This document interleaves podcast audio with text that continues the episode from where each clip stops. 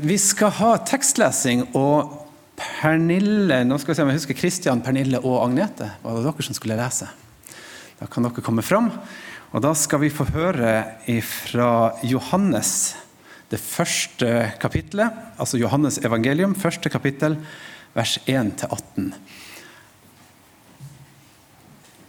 La meg først be for skriftlesninga. Herre, åpne opp vårt hjerte og våre sinn, så vi kan eh, høre ditt ord til oss, og la det slå rot i vårt liv, så det kan bære rik frukt. Amen. I begynnelsen var Ordet, og Ordet var hos Gud, og Ordet var Gud. Han var i begynnelsen hos Gud.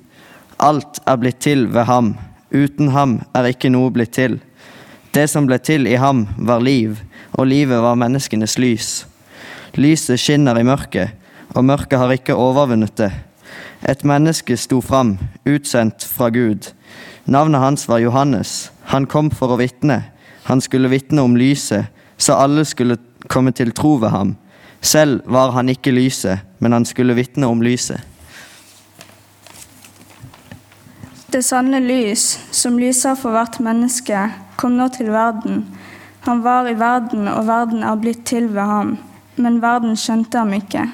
Han kom til sitt eget, og hans egne tok ikke imot ham. Men alle som tok imot ham, dem ga han rett til å bli Guds barn, de som tror på hans navn.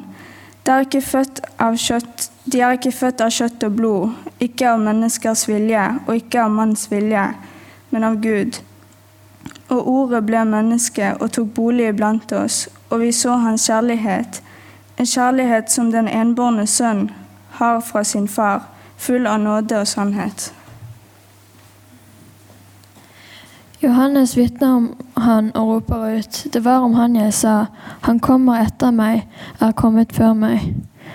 For han var til for meg, av hans fylde har alle fått nåde over nåde, for loven ble gitt ved Moses, nåden og sannheten kom ved Jesus Kristus. Ingen har noen gang sett Gud, men den enebårne som er Gud, og som er i fars favn, han har vist oss hvem han er. Da var det godt for meg å være på plass. Jeg skal presentere meg ordentlig. Roy Frode Løvland heter jeg. Jeg har prøvd å helse på folk etter hvert som uh, dere har kommet. Og så har jeg møtt, møtt noen på formiddagstreff og noen i, i ellers her. Men uh, veldig hyggelig å se dere alle. Og uh, jeg har innvilga meg sjøl et par ekstra minutter nå i talen for å fortelle litt hvem jeg er, bare så at folk skal få plassert meg. Jeg kan jo si at Løvland-navnet stemmer godt. Jeg er herifra. Eh, jeg var døpt i denne kirka. Jeg er delvis oppvokst her. Og eh, hvis noen spør meg hvordan ser Jesus ut, ja, så ser han sånn ut. Det. og det er ikke tvil om det, for der har vi jo fasiten, har vi ikke det? Eh, sønn av Toril og Roy Johansen, så nå når jeg er i praksis for å lære meg å bli prest, så eh, får jeg lov å både bo hjemme og være prest i min barndoms menighet. Og så har jeg flytta mye rundt, så du hører at jeg har eh, gitt fullstendig opp å ha flekkefjordsdialekt. Han, onkel Petter han eh, sa at jeg måtte jo snakke flekkefjordsdialekt. Eh, men jeg sa jeg får heller komme med en uforbeholden unnskyldning. Jeg beklager. Jeg har skifta dialekt mange ganger opp gjennom livet. Vi har bodd eh, flere plasser i Norge og i Sverige, og hver plass har jeg bytta dialekt. Og til slutt så måtte jeg bare gi opp. Når jeg eh, fant hun Lise, vi gifta oss og flytta til Nord-Norge, så var det jeg var så språksvak at jeg måtte bare føye meg i rekka. Så dere får tilgi meg, men husk at hjertet ligger jo her, da. Så da da får språket være det det er. Ja, altså en eh, nordlending med røtter i Flekkefjord. Men hva med Gud i mitt liv? Hvis jeg skal fortelle litt om hva Gud er i mitt liv, så vil jeg si at det både er noe som forandres, og noe som er fast. Og La meg prøve å forklare det. For eh, når jeg var liten gutt, en sånn fem-seks år, og vi bodde i samme hus som farmor og farfar, så var jeg eh, og lekte alene utenfor huset. Og så kom han farfar, en hyggelig mann, og så kjekker han ut vinduet og så sier han, Neimen, er du her ute og leker helt alene? Og jeg husker faktisk hva jeg svarte. Jeg sa jeg er ikke alene. Jeg er sammen med Jesus. Og så kan man tenke å, det var søtt. Men jeg tenker, hva forteller det om hva trua betydde for den seksåringen? Hvor viktig var det for den seksåringen å kjenne at ja, men jeg tror på Gud? Og Så vokste jeg jo opp, og jeg ble 11 år og jeg ble 13 år og jeg ble sikkert ganske ufordragelig. Men eh, trua mi, den hadde jeg likevel. Og Etter hvert så ble jeg jo ungdom, og plutselig så var det noe som skjedde. Det ble vanskelig å tro. Jeg klarte ikke helt å forstå. Hva var det som skjedde? Og jeg eh, syns liksom ikke det stemte ordentlig med sånn som jeg tenkte, og hva er Gud og Nei. Så i den eh, forvirringa så tenkte jeg kanskje jeg ikke tror lenger på Gud. Så kom Gud til meg og så sa han, du har glemt noe. Du har glemt at trua handler om hjertet, ikke om hodet. Det som denne eh, seksåringen forsto, det har du glemt. Husker du ikke at Jesus sa du må bli som et barn? Trua den kan godt involvere tanken, men den skal være forankra i hjertet. Kanskje, er, kanskje, bør vi alle snakke litt eh, sterkere om barnetru. Og tenke at ja, men der har vi jo idealet. Så Min følelse når jeg var ungdom, det var at Gud sa ja, men nå har du forandra deg. Du har lært nye ting. Du har begynt å tenke på en ny måte. Flott. Bra. Det kommer du til å gjøre mange ganger. Livet ditt kommer til å forandre seg. Du møter nye folk. Du lærer deg å spille gitar, eller du begynner i et band, eller du eh, slår opp med kjæresten. Ting skjer. Du lærer nye ting. Flott. Men husk på at trua den er jo i hjertet. Og Så vokste jeg opp og ble voksen, og jeg møtte hun Lise. som sagt. Og eh, Vi eh, bosatte oss i Nord-Norge, og vi fikk en haug med unger. Og vi, fikk, vi har to hunder og 15 fisker og en kanin. Og har et fint liv der. Og Det som skjedde for meg når jeg ble voksen, det var jo at hverdagen var travel. Og det var mye som skjedde i mitt liv, og jeg hadde et godt liv. Men jeg følte at jeg mista Gud. Den der følelsen av at hva betyr Gud for meg? Det ble liksom borte i alt det som skjedde. Og jeg var veldig aktiv i kirka. Jeg var kanskje den som var mest aktiv i kirka. Og jeg brukte å hjelpe til med alt mulig, fra menighetsråd til å spille piano. Og Det var viktig for meg, for jeg følte at det var min gave. Min måte å være kristen på. Men jeg ble jo så sliten. Og Kanskje kan det være sånn at man blir sliten av å gå til kirka fordi det er så mye man skal gjøre. Jeg tror det er viktig å huske at kirka har én oppgave. Og det er å hjelpe oss å vende blikket mot Gud. Og Hvordan vi gjør det, ja, det er jo mange måter å gjøre det på. Kanskje gjør man det med å synge i et veldig bra kor. Kanskje gjør man det ved å spille altfor mye piano. Kanskje gjør man det med å være med i Soul Kids og lære seg en dans. Eller kanskje gjør man det på et bønnemøte. Eller på et formiddagstreff. Alt dette er uttrykk for tro, som vi skal ta veldig godt vare på. Men i det øyeblikket man kjenner at man blir sliten, så har kanskje Gud kommet litt i skyggen av alt det vi gjør. Jeg tror det er en bra tommelfingerregel at man skal kjenne at man slapper av i kirka. At man går litt mer oppbygd ut enn man kom inn. I hvert fall var det sånn for meg at jeg ble mer og mer sliten. Og jeg hadde ingenting igjen. Jeg var tom sjøl, fordi jeg ga ut og ga ut av det jeg følte var min tro. Men jeg følte ikke at jeg fikk noe igjen. Til slutt så hadde jeg bare én ting som jeg klamra meg fast til, og vet dere hva det var? Radioandakten på P1. Noe så trist.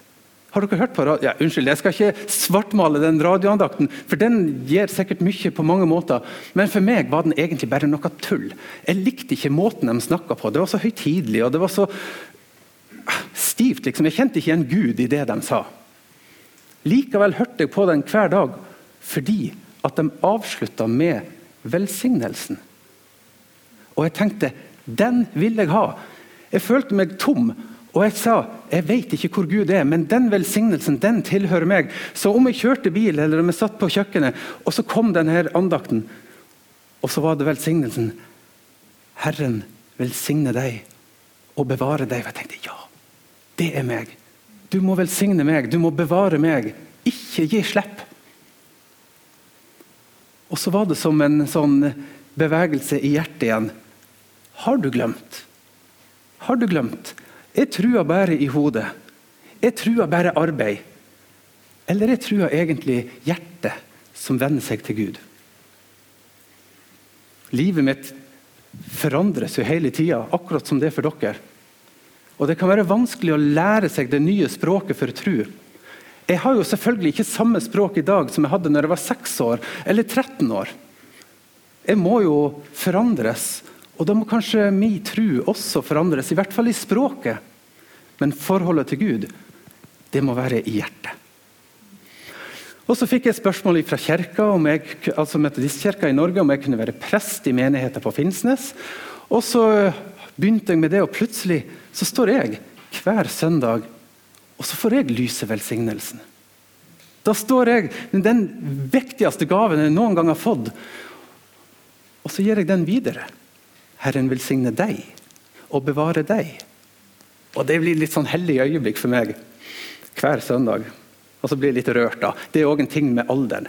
Man blir mer rørt med alder. Jeg var aldri rørt når jeg var 20. Noen litt mer voksen, 20 pluss, så blir man veldig rørt. ja, nei, Vi mennesker vi er forskjellige. Og vi vokser og vi utvikler oss på forskjellige måter. Og Det vi likte i går, det liker vi ikke i dag eller i morgen. De første kristne de eh, skjønte at alle er forskjellige og på forskjellig plass. Og De sa vi må ha en samlende måte å beskrive vår tro på. Og Nå er jeg så inne i preika, nå har jeg avslutta en presentasjon av meg sjøl. Trosbekjennelsen. Og de sa det Vi skal ikke fortelle alt vi skal tro, men vi må fortelle det som er det viktigste, det som vi kan samles om. Og så kan vi godt være veldig forskjellige, alle mennesker, men så samles vi om den ene måten å snakke om trua på.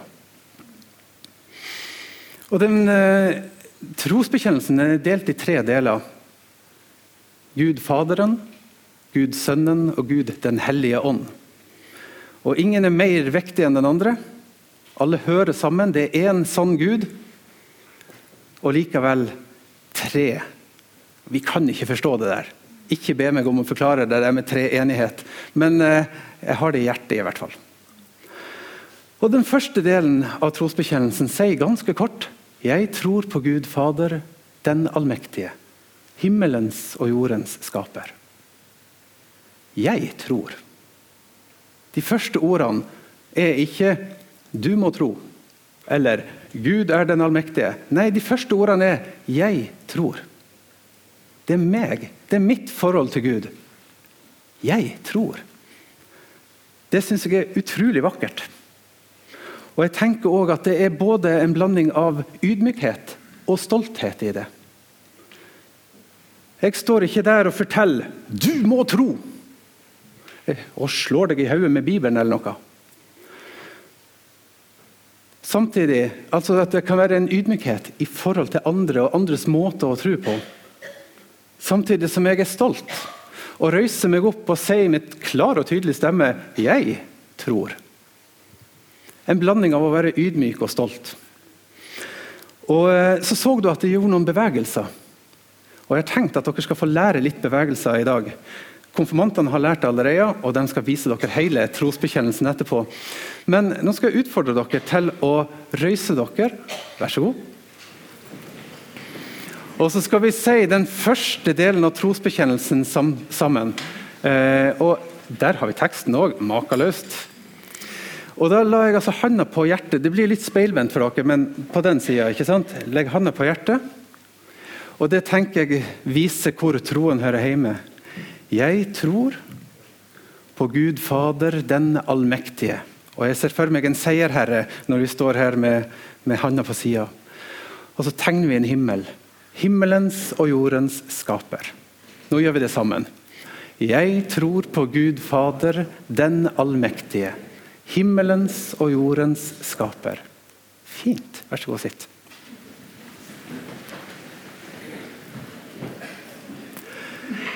Den andre delen av trosbekjennelsen er litt mer vanskelig. Det er den som handler om Jesus. Den er litt lengre, og litt, eh, det handler om flere ting. Og Spørsmålet i denne preika er jo hvem er Jesus? Nå skal jeg ta den delen av trosbekjennelsen ledd for ledd. Og så skal vi se om vi ikke klarer å lære det. For etter at vi har sagt at jeg tror på Gud Fader, den allmektige, himmelens og jordens skaper, så sier vi jeg tror på Jesus Kristus, Guds enbårne sønn, vår Herre. Det er Jesus. Hvem er Jesus? Han er Gud. Vi skal også lære om at Jesus var menneske, og vi hører om Jesusbarnet i Betlehem. og Ikke glem utgangspunktet. Når vi skal henvende oss til Jesus, eller når vi tenker på Jesus, så er det Gud.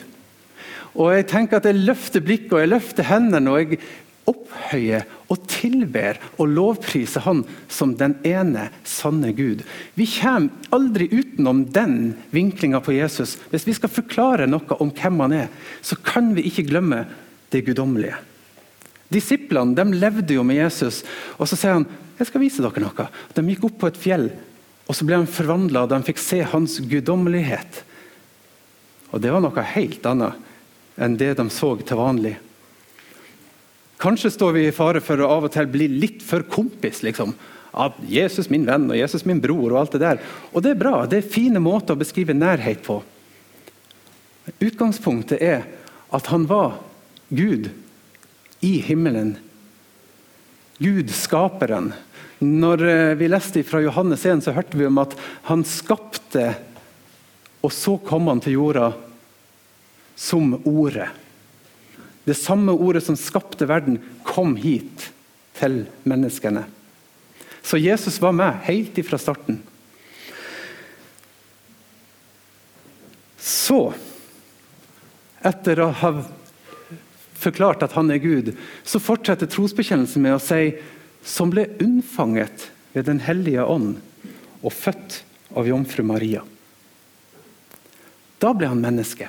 Han kom ifra himmelen og ned ved Den hellige ånd og ble planta i livet til Maria. Og hun kunne føde han som et barn, som et menneske. Det er Jesus. Jesus er menneske. Jesus er Gud som ble menneske. Vi kan ikke tenke at han er et menneske som vet masse om Gud. Det føler jeg er en litt sånn light-variant av forklaringa av Jesus. Ja, Han var en god mann, og han visste alt om Gud. Det blir for flatt. Det er, ikke, det er ikke, sånn Bibelen fremstiller han. Han sier det var Gud som kom og ble menneske. Det er jo hele hemmeligheten. En jomfru ble med barn på uforklarlig vis og fødte en sønn. Og Jeg vedder på at det var det største i Marias liv. Men hvordan var det for folk rundt? Det var helt vanlig. De så en liten gutt som skulle lære seg å gå, og så datt han. Akkurat som unger, unger gjør. Og når han skulle spise, så sølte han sikkert masse. Og når han var trøtt og sliten, så var han kanskje litt grinete og vanskelig å ha med å gjøre. Og ville ikke sove. Og når han var glad og i godt humør og hadde bursdag, kanskje, så var han gjerne litt ivrig og var uheldig å dytte borti noen. En vanlig gutt som ble en vanlig mann. Og de andre menneskene rundt de tenkte at ja, dette er jo en helt vanlig person. Tenk hvis de kunne sett Jesus med Guds øyne. Hvordan hadde det vært å se at i vår lille landsby, der lever Gud? Men de så ikke det. Det var vanlig og hverdagslig. Jeg tenker at det òg er litt av hemmeligheten. For Gud lever iblant oss. Og når vi tenker på at Gud skal få en plass i våre hjerter, en plass i vårt liv, så er det lett å tenke at ja, jeg skulle ønske at det var sånn at jeg fikk en engel på besøk. Eller at eh, det var en ildsøyle. Jeg tror at Gud først og fremst ønsker å være en del av ditt liv. Og Da kan du ikke dele opp livet og ha ett liv i kirka hvor du får alt det der åndelige, og så har du ett liv i hverdagen der du ikke tenker på det i det hele tatt. Gud vil at det skal være så hverdagslig at du nesten ikke legger merke til det hvis du ikke tenker på det. da. Men når du vet at denne vanlige gutten faktisk var Gud, og når du vet at det vanlige livet du lever, det mennesket du er, er berørt av Gud, hva kan være større enn det? Så jeg tror på Jesus Kristus, Guds enbårne sønn, vår Herre, som ble unnfanget ved Den hellige ånd og født av jomfru Maria. Så vet vi at livet hans endte i død. Pint under Pontius Pilatus, korsfestet, død og begravet. Jeg skulle ønske at de hadde sagt litt om hvorfor. Men i trosbekjennelsen så sier vi ingenting om hvorfor. Hvorfor døde han? Hvorfor ble han pint? Hvorfor ble han dømt urettferdig? Bare konstatere at sånn var det. Men eh, hele historien til Israel er full av forklaringer. Profetene har i århundrer fortalt at Herrens salvede skal komme. Han som skal frigjøre folket, og ikke bare Israels folk, men alle mennesker. Hele verden. Og 700 år før Jesus ble født, så var det en profet som heter Jesaja, som profeterte og sa han var foraktet. Han var forlatt av mennesker. En mann av smerte, kjent med sykdom. En de skjuler ansiktet for. Det var så fælt å se. Han var foraktet. Vi regnet ham ikke for noe. Og sannelig, våre sykdommer tok han. Våre smerter bar han. Vi tenkte han er rammet, slått av Gud og plaget. Men han ble såret for våre lovbrudd. Han ble knust for våre synder. Straffen lå på han for at vi skulle få fred, og ved hans sår har vi fått helbredelse. Det var forklaringa. Og Jesus ble pint på en sånn måte at folk måtte skjule ansiktet. Under Pontius Pilatus. Han ble korsfestet, han ble død og begravet. Så hvis man spør hvem er Jesus? Jo, det var han som døde. Det var han som døde. Jeg tror at han døde for mine synder. Vi kommer ikke utenom det. Jesus var Gud som døde for meg. Men hvis det stopper der, så har vi gått glipp av selve poenget. For han for ned til dødsriket og sto opp fra de døde tredje dag. Der er Jesus. Gud som kom som menneske, som døde og ga sitt liv, og oppstå igjen i guddommelig herlighet. Og fortell til disiplene at nå har jeg vist dere hva liv er for noe. Nå har jeg vist dere hva Gud vil gjøre i hvert menneskes liv. Nå er det deres jobb å gå rundt i hele verden og gjøre det jeg har gjort. Elske som jeg har elska. Gjøre de tegn og under som jeg har gjort. Så får han opp til himmelen. Og sitter ved Gud, Guds, den allmektige Faders høyre hånd skal derfra komme igjen for å dømme levende og døde. Huff. Dom. Men legg merke til at når det snakkes om dom, så er det én som skal dømme. Det er han. Han som var Gud og levde blant oss som mennesker, og som reiser tilbake og har gitt oss sin Hellige Ånd. Han er det som skal komme tilbake og dømme. Det er ikke du. Og det er i hvert fall ikke jeg. Hva var oppgaven vi fikk? Elsk hverandre. Ingenting annet. Gjør det jeg har gjort. Ja, hva var det han gjorde? Han overøste folk med kjærlighet. Han gjorde godt. elsk hverandre. Og så er det han som skal dømme til slutt. Så hvor er vi da? Jo, da er vi her og har fått Den hellige ånd. Dette var forresten den siste delen av Jesus-delen av trosbekjennelsen. Men det er en del til, og den handler om Jesus i vårt liv. Hvem er Jesus? Det er Den hellige ånd i vårt liv som gjør Jesus virkelig. Og jeg tror på Den hellige ånd. Jeg tror på Kirken.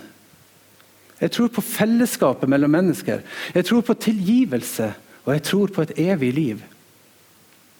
Eller som det står i trosbekjennelsen Jeg tror på Den hellige ånd, symbolisert med ei due. Jeg tror på Den hellige allmenne kirke. Altså en kirke for alle. De helliges samfunn. Syndenes forlatelse. Legemets oppstandelse og det evige liv.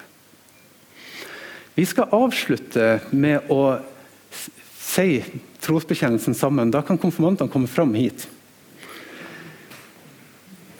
Nå håper jeg dere har fulgt godt med i talen, for da husker dere bevegelsene. og Jeg står i midten, og så har vi fire på hver side. Av og til så får man spørsmål hvor eh, ofte skal man eh, bruke trosbekjennelsen, f.eks. i gudstjenester og sånn. Ja, Det kan jo være avhengig av hva slags gudstjeneste man skal ha. Men for min del så tenker jeg om så hver uke. Eller hver dag. Det å være bevisst på hva er det jeg tror. Det å minne seg på hva er Jesus i mitt liv. Hva er Den hellige ånd? Vi skal si trosbekjennelsen sammen. Vi trenger litt god plass. Vi må bruke hele rekka her. Jeg tror på Gud Fader, den allmektige, himmelens og jordens skaper. Jeg tror på Jesus Kristus, Guds enbårne sønn, vår Herre, som ble unnfanget ved Den hellige ånd, født av jomfru Maria, pint under Pontius Pilatus, korsfestet, død og begravet. For ned til dødsriket, sto opp fra de døde tredje dag, for opp til himmelen, sitter ved Guds, den allmektige Faders høyre hånd, skal derfra komme igjen for å dømme levende og døde. Jeg tror på Den hellige ånd, en hellig allmenn kirke, de hellige samfunn, syndernes forlatelse, legemets oppstandelse og det evige liv. Amen.